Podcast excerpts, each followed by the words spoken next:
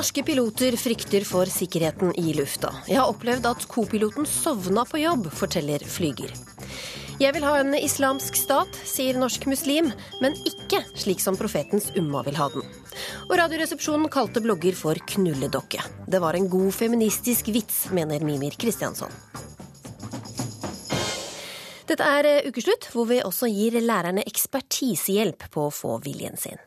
Ja, men jeg vil ha det, har jeg sagt. For norske piloter må jobbe stadig mer i takt med at nordmenn flyr oftere og oftere. Nå advarer piloter mot at de lange arbeidsdagene kan gå på sikkerheten løs. Geir har jobba som pilot i 30 år, og har opplevd at co-piloten sovna på jobb.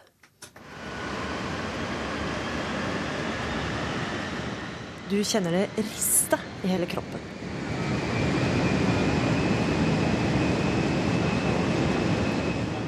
Snart forsvinner rullebanen, trærne, flyplassen. Og alt du ser er de hvite skyene, helt til flyet når solskinnet og blå himmel. Etter noen timer er det natt. Lysene er av i kabinen. Utenfor er det mørkt. Det var en nattflyging på vei til Middelhavet, og styrmannen var veldig trøtt eh, da han kom på jobb. Vi kaller ham Geir. Han er en erfaren pilot i et norsk selskap og stiller opp til intervju mot å få være anonym. Han frykter konsekvensene dersom arbeidsgiver får vite at han prater med meg. Derfor er stemmen du hører, heller ikke hans. Jeg måtte si samme ting flere ganger før han fikk med seg hva som ble sagt. Så vi, vi, vi fløy nå ned dit og landa, og passasjerene kom ut. Flyet ble gjort rent, og inn med nye passasjerer.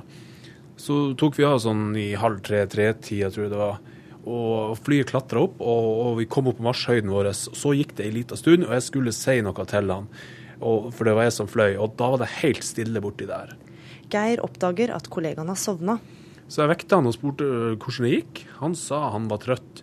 Han hadde nemlig ikke sovet så mye hjemme pga. ungene, så jeg sa greit, legg deg og sov litt. Så gikk jeg og henta en i kabinen som satt og holdt meg med selskap, sånn at jeg holdt meg våken. Så jeg lot han sove mer enn det som var lov. Men jeg tenkte det er bedre at han er våken når vi lander, enn at han er stuptrøtt når vi lander. Og vi er en som er stuptrøtt og en som er trøtt. Geirs historie er ikke unik. For i en NRK-undersøkelse fra 2011 forteller halvparten av de spurte at de har sovna i cockpit uten at det er avtalt med kollegaen. Og når jeg gjenforteller episoden til lederen i Norges Flygerforbund, Petter Førde, blir han ikke overraska cockpiten er veldig liten, og det er ikke så veldig mye vi kan få gjort. Normalt sett så hadde man vært en yrkessjåfør, så ville man jo stoppet langs veien, gått ut, tatt seg en, en rask eh, spasertur eller lignende. Den muligheten har ikke vi. Vi kan ikke parkere luften, eh, fly der oppe, og vi har ingen mulighet til å, å ta en, en, rask spasertur. Våre arbeidsdager for øh, oss alle som flyver i Norge, har blitt mye lengre og mange flere enn hva det var tidligere. Førde er selv pilot med lang fartstid. Har han selv vært eh, overtrøtt på jobb? Absolutt, det, det, det skjer. Og, eh, og, det er jo det eh, vi tar på, på alvor. Og ønsker at, at omgivelsene, tilsynet, departementet skal ta dette på, på, på alvor dette her har med sikkerhet å gjøre. Dette har ikke noe med en fagforeningsuttalelse uh, og at vi vil ha uh, goder som ikke andre arbeidstakere i landet har. Det er rett og slett et sikkerhetsspørsmål, og det er det vi ønsker å fokusere på. Ingenting annet. For når piloter er overtrøtte på jobb, kan det gå galt. Sånn som det gjorde den februarkvelden i 2009. På vei til Buffalo styrta passasjerflyet i et hus. Naboer trodde det var et jordskjelv. 50 personer døde. Uh,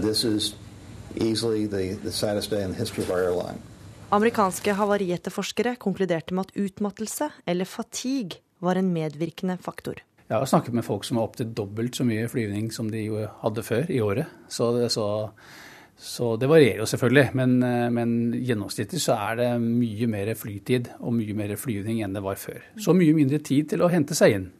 Det sier avdelingsdirektør ved Flymedisinsk institutt, Antony Wagstaff. Dessverre så er det slik at selv med den veldig trygge luftfarten vi har, så, så, har vi, så kan vi ha hendelser. Eh, og når vi sier hendelser, så betyr ikke det nødvendigvis ulykker, men altså kan det være hendelser. Og at fatigue er en viktig faktor som kan forårsake hendelser, helt klart. Og at fatigue er en økende problem i luftfarten, det tror jeg også er nokså klart. Mitt inntrykk er at fatigue blir tatt uh, seriøst Um, og jeg vet at både norske luftfartsmyndigheter og eh, EASA, altså Den europeiske sikkerhetsorganisasjonen, er opptatt av det. Eh, men det er alltid allikevel en avveining mellom økonomi eh, og risiko som blir gjort. Og piloter har selv et ansvar for å si fra dersom de ikke er fit for flight. Men det er ikke alltid så lett, mener Geir. Det har skjedd at jeg ikke har sovet f.eks. før i vakt, eller at jeg har blitt stuptrøtt i løpet av dagen. Og da ringer jeg inn, og så sier jeg at jeg ikke er fit. Men jeg vet at mange har problemer med det, og sier du må tenke på passasjerene. Men jeg mener at du ikke tenker på passasjerene om du flyr når du er stuptrøtt. Du tenker mer på passasjerene ved å gå hjem og ikke flyge. Da er det bedre å flyge forsinka enn at du sitter der og gjør noe som du ikke skal gjøre. Men jeg er fast ansatt, og vet dem som ikke er fast, har større problemer med å si ifra. Etter hva jeg har hørt og skjønt, så er de på kontrakt eh, mindre slitne og trøtte enn oss fast ansatte. Det er jo veldig merkelig. Ukeslutt har vært i kontakt med SAS og Norwegian, som begge sier at flysikkerhet er noe de har stort fokus på, og som tas på alvor.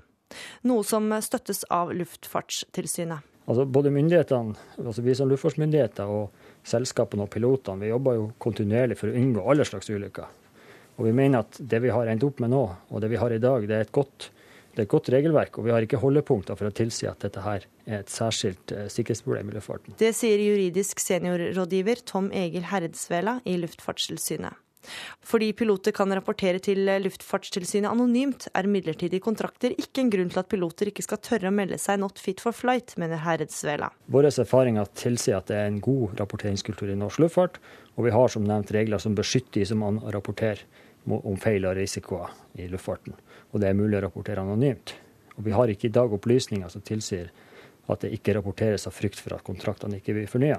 Men vi er jo klar over denne problemstillinga, og, og, dette er jo noe vi vil være oppmerksom på i tilsynsarbeidet eh, framover. Halvannen time før landing vekker Geir kollegaen sin. Eh, han burde jo sagt fra allerede på Gardermoen at han var for trøtt, men der og da så sa han ikke noe spesielt. Og Vi snakka om det etterpå, og da beklaga han veldig.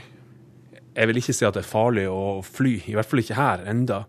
Men jeg vil heller ikke si at det har blitt sikrere, for folk er nok mer slitne enn de var før. Og det ser vi på sykefraværet også. Og jeg er redd for at det ikke vil skje store endringer før det skjer ulykker der menneskeliv går tapt. Samferdselsdepartementet takket nei til å komme til ukeslutt, og viser til Luftfartstilsynets uttalelser. Reporter var Gry Veiby.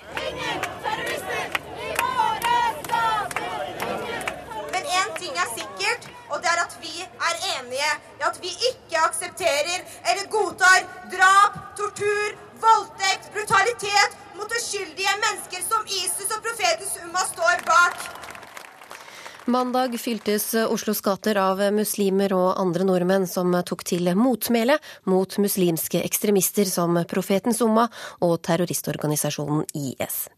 I et intervju med VG snakket Waidullah Hussein fra Profetens Summa om muslimers plikt til å jobbe for å opprette en islamsk stat. Og når det gjelder å opprette en islamstat eller være under islams lovgivning, så er det obligatorisk for enhver muslim å jobbe for å få til islams lovgivning hvor enn vi befinner oss. Om vi befinner oss i Mosul eller Pakistan, Norge eller andre steder. Hanin al-Rubaya, du var med på å arrangere demonstrasjonen på mandag. Og slik Hussain presenterer en islamsk stat, er ikke det samme som du legger i begrepet, for du ønsker deg en islamsk stat. Hvordan er den? Først må vi jo definere hva en islamsk stat er. Eh, for meg så er en islamsk stat noe som er bygget eller kriteriene for det er at majoriteten godtar ledelsen. At eh, borgerne har de rettighetene de har krav på. Eh, at jeg ønsker meg islamsk stat, slik AIS representerer, er noe jeg ikke mener i det hele tatt. Og hvordan vil en slik stat være? Det er som nevnt en stat der Eh, borger, eh, rettighetene borgerne er sikra, der det er likestilling, der det ikke finnes rasisme, der massemord ikke er en del av hverdagen, der eh, voldtekt ikke er tillatt, der barnedrap ikke er noe OK i det hele tatt, der det å fordrive folk fra deres hjem ikke er noe som er godtatt, det er noe som ikke skal tolereres. en stat der folk skal føle seg trygge når de går i gaten. Det er en sånn stat jeg kunne tenkt meg, og man ser jo det at den staten eh, på en måte så er jo Norge oppfyller de kravene for meg, da. Eh, så jeg er ganske fornøyd med det landet jeg bor i. Eh, så jeg ville ikke strevd for å få en eh, såkalt islamsk stat, som noen eh, prøver å få til eh, f.eks. gjennom IS. Men vil sharia være en del av en islamsk stat for deg? Eh, sharia, eh, det er mange, Når de sier ordet sharia, så er det ofte eh, negativt ladet ord. Eh, sharia er jo et sett av lover. Eh, jeg følger sharia i hverdagen min. Eh, jeg følger sharia når jeg våkner, når jeg unngår å spise visse matvarer, når jeg ber, måten jeg hilser på min mor, måten jeg forholder meg til mine venner. Det er også en del av sharia. For meg så er sharia rettigheter og hvordan man skal behandle en livsstil, mer enn som noen tenker på avstraffelse, da. Lars Akerhaug, du er journalist og forfatter av boka 'Norsk eh, jihad'. Hvor mange i Norge ønsker seg en eh, islamsk stat, anslagsvis? Nei, altså Det blir helt umulig å gjøre noe nøyaktig anslag. Men det er klart at det, eh, det, er mange flere som ønsker en islamsk stat enn den lille gruppen profetens umma utgjør. Islam Nett er f.eks. en ungdomsorganisasjon med over 1000 medlemmer. De samler flere tusen på sine årlige arrangementer. Eh, det er en organisasjon som, som, mener at det eneste riktige for menneskene er å leve under en stat hvor sharialovene stolkes eh, helt bokstavelig. Det betyr at man f.eks. Eh, støtter å kutte hendene av personer som stjeler, at man har dødsstraff for frafallende fra islam. Og vi vet også at det finnes trossamfunn eh, i Oslo som har bånd til islamistbevegelser, eh, som Det muslimske brorskapet og lignende grupper i andre muslimske land. Det betyr selvsagt ikke at alle disse medlemmene nødvendigvis definerer seg som islamister, men at det er i hvert fall noen tusen som kan defineres som islamister i Norge. Det er et veldig konservativt anslag. Mina Adampour, du er eh, leder av eh, Ungdom mot eh, rasisme, og er også muslim. Du ønsker deg ikke en islamsk stat. Hvorfor ikke? Nei, jeg tenker at dette ikke er en dikotomi. Det er ikke sort-hvitt. Og det er veldig eh, vanskelig å skulle sette tall på hvilket antall det er som ønsker seg den islamske staten Lars Akre her eh, nevner. Snakker man da om Mursi-staten, snakker man om Khomeini-staten, er det Boko Haram-staten, er det Ghanoushi-staten, er det Det muslimske brorskapet? Og man kunne ha fortsatt. Så det blir svært lite vitenskapelig å bruke altså en utledning av en annen utledning av en konferanse, og så igjen av en organisasjon som mener det.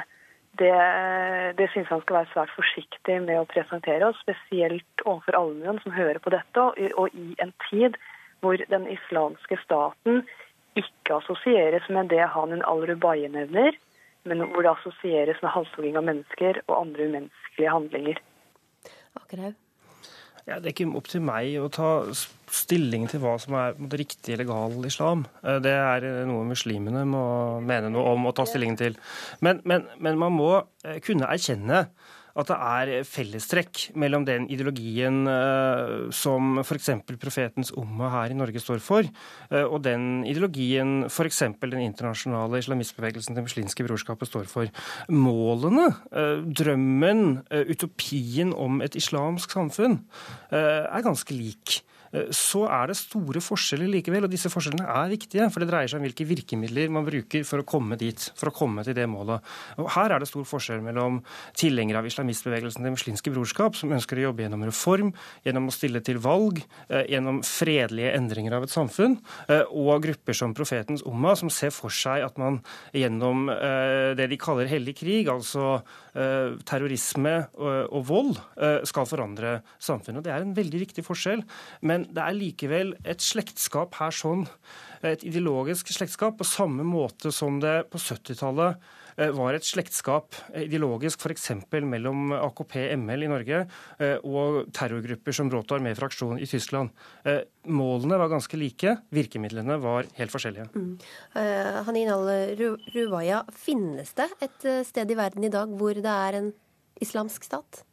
Personlig så har jeg ikke satt meg inn i de land, eh, politiske systemet til de landene som mener de er eh, en islamsk stat. Eh, og da tenker jeg spesielt på f.eks. Saudi-Arabia, Iran, eller andre lignende land som mener de er islamske. Men jeg kan, jeg kan tenke meg at det er en undersøkelse som for ikke lenge siden jeg tror det er mange som har fått den med seg, der Norge ble bl.a. kåret til en av de topp ti mest muslimske landene. Og det sier egentlig litt. Og den kåringen var utført av personer som hadde kunnskap innenfor islam, og da hadde de sett på verdier som skal være i sentrale i en islamsk stat, slik, eller i en muslimsk styre, muslimske verdier. Og det finner man i Norge, som bl.a. da demokrati, likestilling eh, osv. Eh, Men hva ved Norge er ikke forenlig med en islamsk stat, da? Det er ikke noe jeg Eh, kan sette hånda på, egentlig. Eh, jeg som muslim, helt vanlig muslim, ikke ekspert på det politiske, ikke en ekspert på de islamske lovene. Jeg eh, kan ganske enkelt si at jeg er ganske fornøyd, for jeg syns det viktigste er at man skal ha muligheten til å kunne endre på ting. Man skal ha muligheten til å kunne få stemmen sin hørt, og det har vi i Norge. Men er det forenlig med f.eks. Kunne man hatt homofilt ekteskap? Kunne man hatt den alkoholkulturen vi har i Norge, hvis det hadde vært en islamsk stat? Det, altså, jeg Islamsk stat er eh, som sagt noe som vi ikke har her. Eh, og vi bor i et samfunn der man skal jobbe for å forbedre det. Eh, det med alkohol og homofili osv. Jeg mener at alle er frie til å gjøre det valget de har. Det er Gud som dømmer. Det ligger ikke min natur å dømme en person om de gjør en feil eller ikke. Så det er min tanke, da. Hva tenker du, Adam Poor? Jeg tenker at Dette må ses i lys av at mange muslimer har migrert til Vesten og vestlige verdier som demokrati, som Hanin al-Rubai er inne på. Og at de ønsker at disse verdiene, som er i tråd med islam, også skal eksporteres til områdene hvor de er ifra. Hvor det er en stor rådende anarki, mye vold, mye lite demokrati og mye diktatur, mye korrupsjon. Og dette har jo den nylige eh, forskergruppen fra George Washington University i USA også kommet frem til, hvor nettopp land som Iran, Saudi-Arabia og Pakistan, som selv forfekter at de er islamske stater, havner da på eh, nummer 145 og 91 og 139. Mens Norge da kommer på niendeplass som en såkalt islamsk stat. Så å se dette i lys av bevegelser som ønsker ikke-likeverd og ikke-samhold, og som ønsker vold, da kjører man en agenda. Jeg vet ikke helt hva jeg skal svare på dette, her, fordi det blir en veldig rotete debatt. Eh, jeg startet med å si at jeg ikke er muslim, og jeg har ikke noe ønske om å ta en stilling til, til hva er det Koranen sier om hva slags statsform eh, menneskene skal leve under. For det er et spørsmål muslimene eh, selv må ta stilling til. Det er ikke viktig for meg å, å mene noe om det.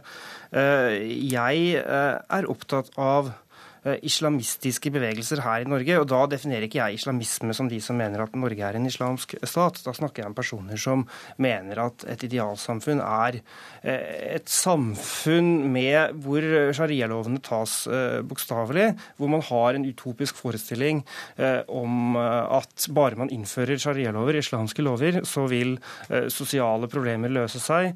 Så vil man få et, et samfunn som er perfekt, eller i hvert fall veldig mye bedre enn det vestlige demokratiet vi lever i i dag. Eh, altså bevegelser som tar avstand fra liberale, demokratiske verdier, de verdiene vi eh, holder høyt her i Norge. Og så hvis, bare la meg avslutte, hvis norske muslimer har eh, holdt på å si, mener at Norge slik det norske samfunnet i dag er en islamsk stat, så er selvfølgelig ikke det problematisk, men det er altså ikke det jeg snakker om. Ruvaya. Eh, det er veldig viktig når man snakker om at eh, norske muslimer ønsker seg sharia osv. Det, er det er veldig viktig da å forstå seg på hva man, som menes med begrepet sharia. Eh, for mange så blandes begrepet sharia, som Mina nå nettopp nevnte, med hugging av hender osv. Men kan man velge bort det? Kan man velge bort avstraffelsesmetodene? Sharia er et sammensatt lovsystem. Det er veldig vanskelig å velge noe, og det er veldig vanskelig å utføre avstraffelse før man har sett på det andre. I sharia så er det slik at alle borgere borgere skal ha sine rettigheter før du kan begynne å straffe dem. F.eks. hvis en person stjeler av sult, så er det lederen som straffes, det er ikke han som stjeler. Og det er illustrasjon på at i sharia så er det rettighetene man skal fikse problemet og ikke straffe. Straffen kommer helt på slutten. Ja, men Det som er uomtvistelig, det er at det er en liten minoritet eh, blant eh, norske muslimer som ønsker å ta sharialovene eh, bokstavelig, som ønsker å innføre eh, en islamsk stat, enten det er snakk om her i Norge eller i, i, i muslimske land, og som mener at det er den ideelle måten for mennesker å leve under. Det er ikke nødvendigvis det motdebattantene mine her i dag snakker om, eh, men at det finnes slike grupper, her, også her i Norge, og at de er flere enn profetens Moma. Jeg forstår virkelig ikke hvorfor det skal være så problematisk å snakke høyt om det. Det er vel ikke noen som sier at det er problematisk å snakke høyt om disse tingene. Men det er viktig å ha forhåndsdefinert hva det er en snakker om. Ja, det har jeg også gjort. Du faktisk, nei, du sier jo faktisk det motsatte av det Hanin al-Rubaye sier. Hun Nei, fordi vi snakker om to forskjellige norske- ting. Ja, det er du som velger å snakke om en helt annen ting. Vi er her for å diskutere hvorvidt en islamsk stat er noe muslimer ønsker seg, og da hvorfor. Du bringer da inn islamister inn i dette her. Men er det ikke nettopp de som, som, som, som kludrer det litt til for eh, andre muslimer? Det er på en måte, Den demonstrasjonen ble arrangert bl.a. for å få majoriteten av ikke-muslimer til å skjønne det. Her vil vi ta tilbake de begrepene, de begrepene som har blitt stjålet fra oss. Vi vil ta tilbake islam, vi vil ta tilbake hva islamsk stat er, vi vil ta tilbake sharia, eh, jihad. Det er masse begreper som vi misforstått i samfunnet. Og en av grunnene er jo det faktum at det er personer som er blitt tillatt å representere den vanlige muslimen, majoriteten. Så deler av målet til demonstrasjonen er at vi ville at vi skulle bli hørt. Islamstat er ikke det som blir presentert, det noen enkelte er blitt tillatt å presentere. Tusen takk, Hanin al-Ruwaya, som var med på å arrangere demonstrasjonen på mandag. Og takk til Lars Akerhaug og Mina Adampour. Hvem var, det, hvem var det som var redd for at puppene skulle falle? Sofie Elise Isaksen. Ja, Sofie! Ja. Sofie Elise, det er hun bloggersken. Ja, Som har et lite fjes og store bryster. Litt sånn som Linni Meister. De ligner litt på hverandre. Ja, de ligner litt. Det er, De har høyt eh, tyngdepunkt, begge to. I, absolutt. Og hun har valgt eh, et utseende som jeg, som jeg skjønner at eh, i eh, pornografiindustrien så setter man det utseendet veldig veldig høyt. Pornografene elsker det. Pornografene elsker det, mens i, mer vanlige folk tenker det er, blir litt for eksplisitt for meg, det utseendet der. Det er for mye Ja, det er for mye av det gode. For mye av det Knulle- gode. For mye av det Ja. gode. Ja. Knulledukke. Ikke si, si det. Det holdt med en gang. Du trenger ikke si det om igjen. Om igjen. Jeg var redd for at du ikke fikk det med deg. Ja, ja, ja, ja, jeg fikk det med meg. Hva sa du? det med meg. Knulledukke. Ja. Siden disse ordene falt i P13-programmet Radioresepsjonen, har mange spaltemetere vært fylt med både kritikk og forsvar av den godt voksne humortrioen. Mimir Kristiansson, journalist og samfunnsdebattant. Du lot deg ikke provosere og forsvare Radioresepsjonen. Hvorfor er det greit? Altså, først og fremst så mener jeg at det er veldig mye som skal til før noe som er humor, eh, skal eh, ikke være greit. For det andre, så, sånn som jeg tolker denne vitsen og dette innslaget, så tolkes det som meg, for jeg tolker det som en kritikk av eh, en veldig pornofisert og veldig seksualisert verden. Så for meg så er ikke dette bare en grei men litt drøy vits. Dette er faktisk en ganske god feministisk vits eh, i mine øyne, fordi det er en kritikk av nettopp et sånt samfunnssyn der folk eh, i veldig ung alder tar silikon i puppene, der man krever i veldig ung alder av jenter de skal bry seg om sitt eget utseende, og der sex eh, er det som vinner på nesten alle områder. Så det syns jeg var et eh, ikke bare greit innslag, men et eh, veldig godt og riktig innslag. Charlotte Myhrbråten, du er eh, debattredaktør i feministtidsskriftet Fett. Ja, dette er eh, feministisk eh, kritikk på sitt eh, beste. Det er jo ikke det. Eh, dette her er en vits som går veldig direkte på en ung jente. Så maktbalansen eh, er litt sånn eh, skeiv og eh, for, eh, forvridd her. Og jeg er også en av de som har ledd mye av eh, Radioresepsjonen, og syns også at det er gøy med mye drøy humor, og man må ha takhøyde for hva man eh, ler av sånn. Men noen ganger så eh, bommer man eh, litt. Og det er jo eh, nokså åpenbart at det har Radioresepsjonen gjort denne gangen her. fordi det er jo ganske mange som har eh, reagert av ja, mødre. Eh, eller kommentatorer som har skrevet i avisa, og det er ikke liksom bare Maiken Andreassen som skrev denne Facebook-oppdateringen som eh, er eh, prippen. Fordi at eh, det her, eh, på måten eh, de snakker om eh, om eh, Sofie Elise eh, skjønner jeg godt at noen kan se som en eh, sexisme som går eh, et stykke over streken. Mange har eh, reagert, Mimer, og særlig kvinner har reagert, mens menn har forsvart dette. Ja, og Sofie Elise, da, som jo jeg eh, har tenkt å skyve foran meg nå, hun har jo ikke reagert. Altså Den personen som dette sjøl direkte går på, har jo tvert imot skrevet et blogginnlegg der hun forklarer eh, hvorfor hun ikke syns dette er drøyt. Og i mine øyne så er det ikke riktig altså Selvfølgelig, hvis man hadde vitsa med eh, puppene eller utseendet til en hvilken som helst jente, så ville det ha vært mye grovere enn dette.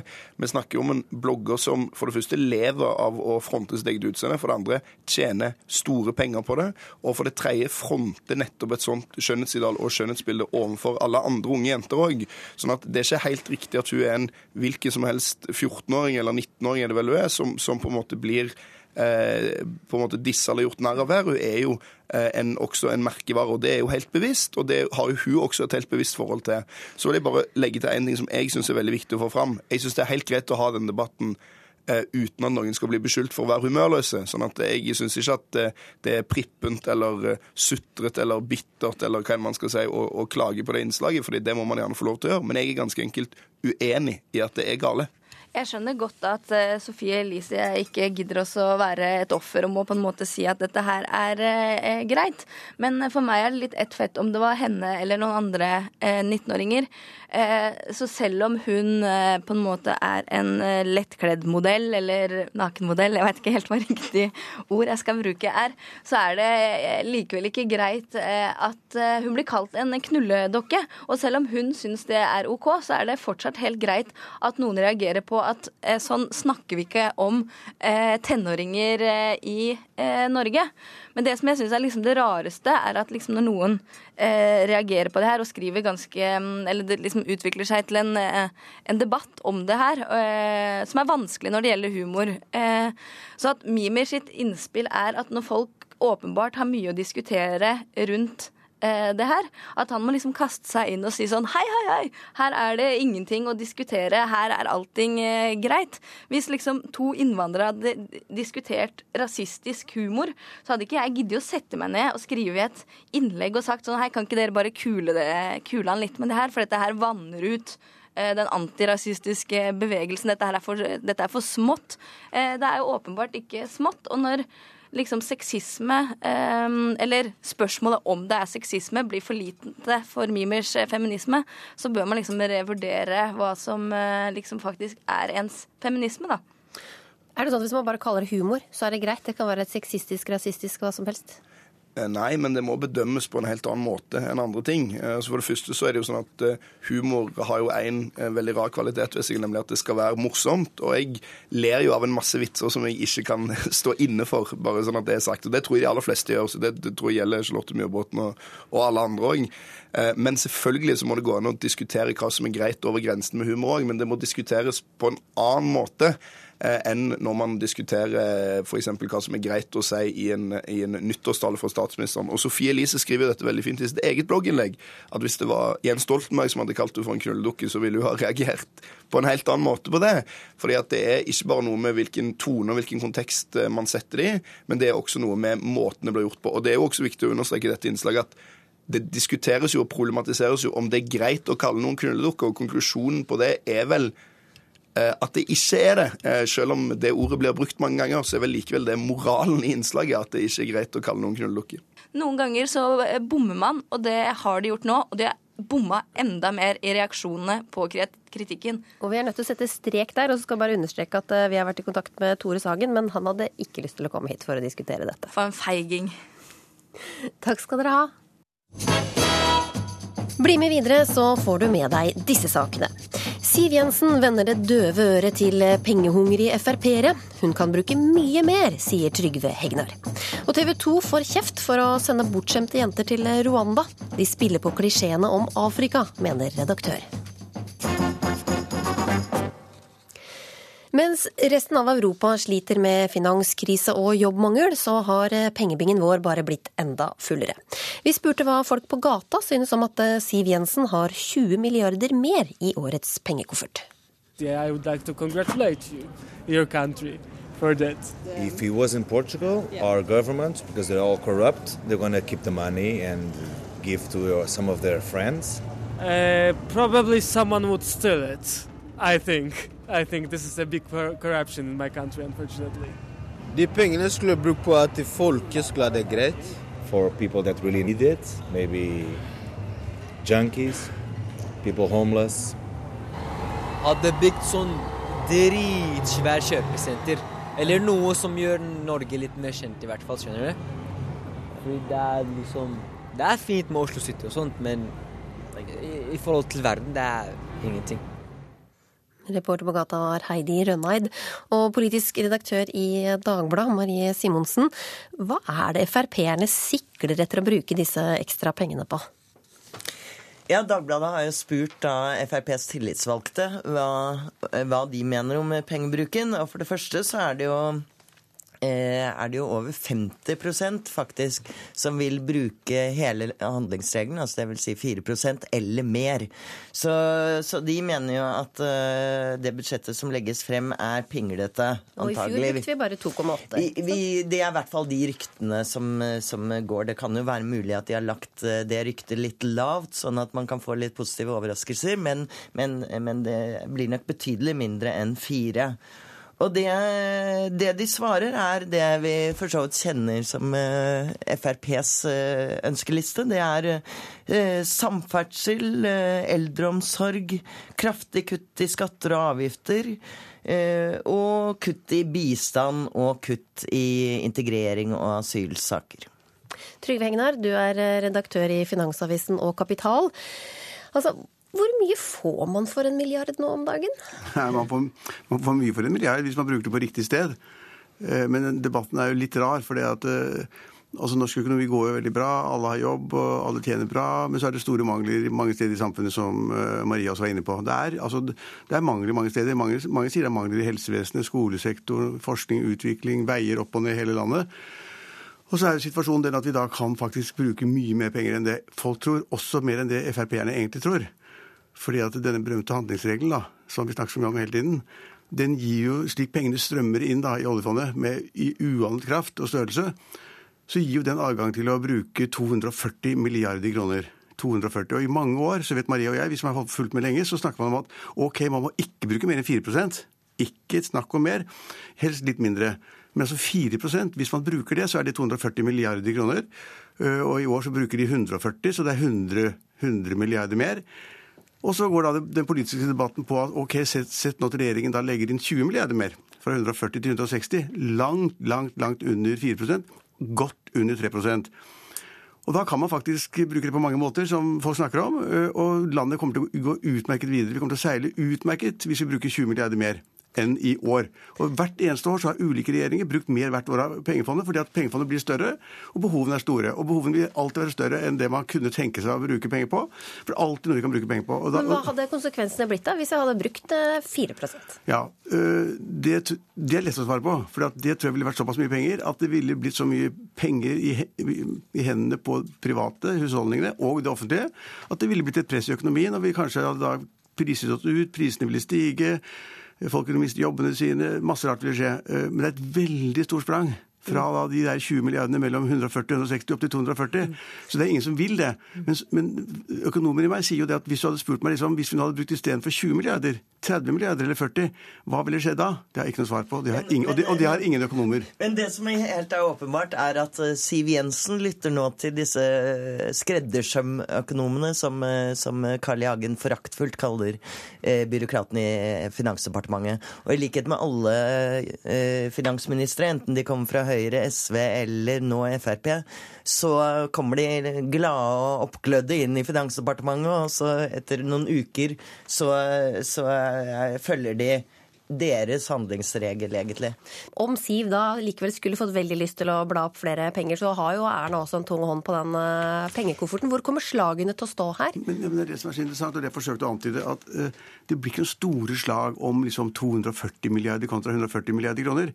Her blir det masse mumling og rumling på Stortinget og blant politikerne og i regjeringen om man kan ende på 20 milliarder kroner mer i forhold til i år, eller man kan ende på 23 eller 24. Og så blir det en diskusjon på, på Stortinget mellom politikerne som er helt sånn marginal om hva skulle man brukt 2 eller 3 milliarder til, ikke sant, og hva kan man gjøre med det? Og så krangler de om bitte, bitte litt mer til bistand, for det blir det sikkert, ikke sant? Og så er det da bitte, bitte litt mer til skattereformer, da blir Dagbladet og Marie Simonsen sur. Og så sitter jeg og sier at det der tåler vi godt, osv. Men, men, men, men eh, en av de store slagene kommer jo bl.a. til å stå om skatt. Eh, både Høyre og Frp vil kutte i skattene, men eh, Høyre er mer for å kutte da i formuesskatt, mens, eh, mens Frp er, vil være partiet for folk flest. og vil ha eh, høyere bunnfradrag, og de vil kreve at eh, for hver milliard som går til de rikeste, så skal den, skal den bøtes med noen til de nederst på rangstigen. Ja, er det deilig å endelig ha en regjering som er parti, på parti med deg, Egnar? Nei, altså Jeg tror det kommer til å ende med at begge to får ganske godt. Ja. De kommer til å heve minstefradraget og gjøre det slik at de som da tjener minst og har, har, har dårligst økonomi, kommer til å få det bedre ved mindre skatt. Og så kommer de også til å innfri delvis løftene til meg og andre i næringslivet om at da formuesskatten eller andre endres litt på toppen der, slik at man betaler litt mindre. For de har det jo lovet. og det er, altså, Gud sier at man skal holde det man lover, og, det Fremskritts- og Kristelig Folkeparti må jo følge det. De, de må Men det er altfor mange som tror de skal fjerne hele formuesskatten, og nei, det kommer de ikke til å gjøre. Det kommer de ikke til å gjøre, og det er ingen som tror på heller. Men at det, de, lekkasjene, og det, i, den, i den grad man skal tro på lekkasjer, så har jeg sagt at formuesskatten Der skal prosentsatsen senkes fra 1 til 0,7. Og Det betyr noen milliarder kroner, selvfølgelig. og Det kommer, det kommer de til å gjøre, sannsynligvis. Men de fjerner den ikke. Eh, Men det her, dette vil være en sånn evig krig. Men mitt hovedpoeng er egentlig at den krigen er mellom sånne små marginale størrelser, to eller tre eller fire milliarder kroner. I relasjon til norsk økonomi så er det peanuts. Men hodepinen her er jo at Høyre og Frp skal gjøre opp dette med Venstre og KrF eh, også. Og der er det bl.a. Eh, ikke sant, kutt i bistand er helt uaktuelt. Da har allerede KrF varslet at, at det da er det fare for brudd. Eh, Og eh, Venstre vil ikke bruke mye oljepenger. De har tvert imot gått inn for at handlingsregelen må senkes. Og Så her er det rom for en time med mye mer flikking? her er det mange eh, hensyn som skal tas. Og det som Frp nok vil merke nok en gang, er at de er fløypartiet i dette samarbeidet, og at eh, de må gi mange konsesjoner til sentrum denne gangen også. Tusen hjertelig takk skal dere ha. Du hører en podkast fra NRK P2. Fra Kate Bush og Wuthering Heights skal vi til TV 2, som har provosert ved å sende bortskjemte jenter til Rwanda. Turen går til Wanda. Jeg vet hva det heter, men jeg kan ikke huske det helt. Det er et vanskelig navn. Ivana eller noe sånt. Den fantastiske naturen i dette landet og menneskene som lever her, Rwandas historie, kultur og det enkle levesettet vil danne et perfekt bakteppe for den indre reisen som jeg håper at våre jenter legger ut på. Herregud, hvor de stirrer. Og Jeg skjønner jo godt at de syns at det er spennende å se hvite folk gå i shorts. Jeg vet ikke. Jeg prøvde jo å dra ned skjorta og alt sånt her som jeg hadde, men alt var jo veldig kort. I programmet Ingen kjære mor sendes altså seks bortskjemte jenter til Rwanda for å strammes opp. I første episode så vi dem bære vann på hodet og sove under åpen himmel. Nå får serien kritikk for å spille på stereotypier og gjøre Afrika mer eksotisk enn det er. Maren Sebø, du er redaktør for verdensmagasinet X. Hvordan reagerte du da du så programmet? Nei, altså Først så, så jeg ikke så veldig mye av det. Eh, Jeg klarte vel rundt fem minutter og, og slo raskt eh, videre. Eh, Nå er ikke jeg i målgruppa, men for meg så ble det litt dumt og tåpelig. For noen som har reist og bodd en god del i Afrika, så, så, så blir det veldig vanskelig å, å skulle på en måte godta en fortelling hvor, hvor Afrika settes opp som, som en kontrast for på en måte bortskjemte unger fra Norge. I utgangspunktet så er dette en bootcamp som kunne ha vært gjort hvor som helst i verden, tydeligvis. Eh, Men man velger da å finne et sted man kan konstatere deres eh, vanlige hverdag. eh, Og, gjør da det stedet mer eksotisk enn det antageligvis er. Jon Øyvind Livden, du er jentenes coach på turen og kjenner Rwanda godt. Spiller dere på stereotypier om Afrika? Jeg tenker det at eh, vi ikke har ønsket å lage noen, eh, noen, noen vrengebilder av Rwanda. Og det er helt riktig som Maren sier, at eh, i prosessen med å velge et sted å være, så var det mange land som var aktuelt.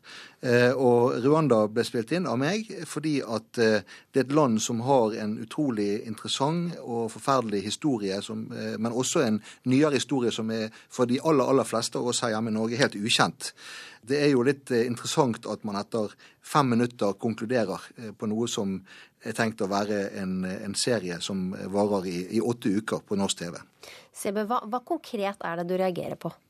Nei, da har jeg sett litt mer enn fem minutter siden uh, uh, jeg først slo over. Uh, og det jeg konkret reagerer på, det er jo hvordan Altså, Jentene får, får på en måte utvikle seg som, som de antageligvis skal utover i serien, men, men det er en, en fortellerstemme der og en, en uh, eksotifisering av Ravanda. Og, eller man omtaler nesten ikke uh, Ravanda som et land, man sier ofte Afrika. Det, det, det, det snakkes om bekmørke netter, det snakkes om ville dyr og, og, og Men er ikke det Afrika, det òg, da? Jo, selvfølgelig er det også Afrika, men, men det, det, spiller på en måte uh, litt inn i de klisjeene vi allerede har, da. Det blir bra TV av sånt, Livden, gjør det ikke det? Ja, nå er jo Hovedfokuset for denne serien en reise som seks unge norske jenter legger ut på, som handler mest om deres utvikling og deres møte med en fremmed kultur, med mennesker, med utfordringer, med natur, eh, og mindre om, eh, om, Afrika eller Rwanda eller det landet vi nå måtte velge. Ja, og det er riktig som Maren sier at dette kunne vært gjort eh, hvor som helst. Eh, nå ble det Rwanda, og vi har vært opptatt av å vise eh, Rwanda på mange ulike måter, men vi har hele tiden vært opptatt av at de menneskene som vi møter gjennom serien, de blir behandlet med, med respekt og likeverd. Og jeg tror at for seerne som vil henge med i dette, denne serien, så vil de se at eh, jentenes reise fra dette kultursjokket og møtet med bussterminalen i Kigali, som ser ut som man ser ut og er som man er, eh, at det forandrer seg, og at det skapes refleksjon rundt både de sjøl og de menneskene de møter. Og det tenker jeg er fint. Altså, foreløpig så, så uh, har vi jo ikke møtt en ravander uh, som vi vet navnet på. Uh, vi har ikke sett noe annet enn at de står i en veikant og ler litt og peker litt. og, og mm. Og, og, akkurat, altså, Man får en voldsom følelse av at dette er bare et bakteppe. Mm. og, og, gjerne litt mer kultur og, og og også for så vidt mer kontekst eh, etter hvert. Men, men, men førsteinntrykket er såpass dårlig at eh, jeg tror neppe jeg kommer til å se noe mer. Ja, nei, Det, det eh, synes jo jeg er trist, Maren, at du velger å ikke se mer. Maren, hvorfor tror du TV 2 har gjort det her? Nei, det er selvfølgelig fordi uh, altså, dette er ren underholdning. Uh, jeg ser ikke altså, Jeg kan ikke helt se at det skal komme noe opplysning ut av det. Eh, som sagt, jeg tror man har valgt et relativt øde område i Ravanda. Ravanda er ganske tett befolka, så det er folk mer eller mindre overalt. Men her virker det litt mer øde. For å på en måte lage den kulissen for da som det som egentlig er en bootcamp utover kulisset så tror jeg ikke Ravanda kommer til å spille noen stor rolle. Hadde det vært eh, bra uten denne kulissen? Eh, jeg tenker det at uh, uansett hvor vi hadde valgt å lage denne type program, eller denne typen serie, så ville vi hatt en kontekst vi hadde jobbet i. Og, og, jeg eh, tror at Rwanda som kontekst for dette her kan være både opplysende for mange som eh, ikke kjenner til eh, verken kontinentet eller landet eller historien. Det er interessant for deltakerne våre å få møte mennesker som lever gode og fullverdige liv, men på en helt annen måte enn det vi gjør her hjemme i Norge. Altså, bare et lite poeng. Altså, hadde det vært like god underholdning om dere hadde plassert disse jentene i Kigali, hvor de hadde tilgang til kaffebarer og en del av de tingene som de sier de savner, sånn som dusj og sminke? om det hadde vært like god underholdning. Nei, nå er jo litt av poenget med, med hele dette konseptet at uh, man skal ut fra den boblen som man lever i hjemme i Norge, der vi har tilgang til alle ting. Og få kjenne litt på eh, andre ting i livet som kanskje betyr mye mer når alt kommer til stykket, enn sminke og kaffe latte. Men, men, da kunne dere gjort dette her i Norge? Eh, det kunne vi nok gjort. Eh, nå er det slik at dette konseptet legger opp til at vi drar også til spennende steder. Maren Sebe og Jon Øyvind Livden, takk for at dere kom til eh, ukeslutt. Ukeslutt går mot eh, slutten, men det gjør ikke lærerstreiken. Mandag tas eh, enda flere ut i streik, og frontene blir bare steilere mellom KS og Utdanningsforbundet. Så hvordan skal partene få gjennomslag for sine krav? Ukeslutts eh, reporter Heidi Rønneid har snakket med folk som vet hva som skal til for å få viljen sin. Ja, men jeg vil ha det. Nei, og da sier jeg ja, men jeg vil ha det, har jeg sagt. Det er steile fronter mellom KS og lærerne, og på mandag tar Utdanningsforbundet enda flere lærere ut i streik. Ja, det, det, det, at begeret er fullt, må dere ta inn over dere nå, som arbeidsgivere. Når ingen vil gi seg og konflikten er helt låst, er det kanskje på tide å søke råd fra noen som er eksperter på å få viljen sin. Da begynner vi å skrike og slåss. Når jeg ikke får et sånt barbieblad med ting, og så når jeg har veldig lyst på en leke, da, gå i lekebutikken og finne noe som jeg har lyst på, og de sier nei, så begynner jeg å hyle. Da skriker jeg og jobber. Lillebroren min pleier i hvert fall å gjøre det. Faktisk, når han gråter, Så er mamma litt dum og gir han en is. Det han egentlig ikke får lov til. Det er bare mamma gidder ikke høre på det skriket. Hun vil at det skal bli ferdig. Barna har også gode ideer til hvordan voksne kan bli enige. Jo, for eksempel sitte lenge og få noe godt, eller prate litt. Ja, ofte glemmer man det. Mm, være litt greie og ikke kaste ting i hodet til folk. Og ikke slå i benet, ikke slå i armen eller bite. Da syns jeg de kan si unnskyld. Da syns jeg de kan si de rette Ja. Da, da mener man dem. Da kan de kose seg med å spise en is. Fordi da tror jeg at de kan kose seg mye bedre.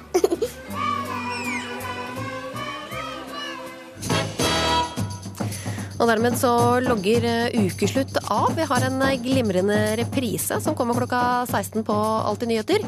Ansvarlig for eh, sendinga var Elisabeth Onsum. Teknisk ansvarlig var Marianne Myrhol. Og i studio så hørte du Linn Beate Gabrielsen.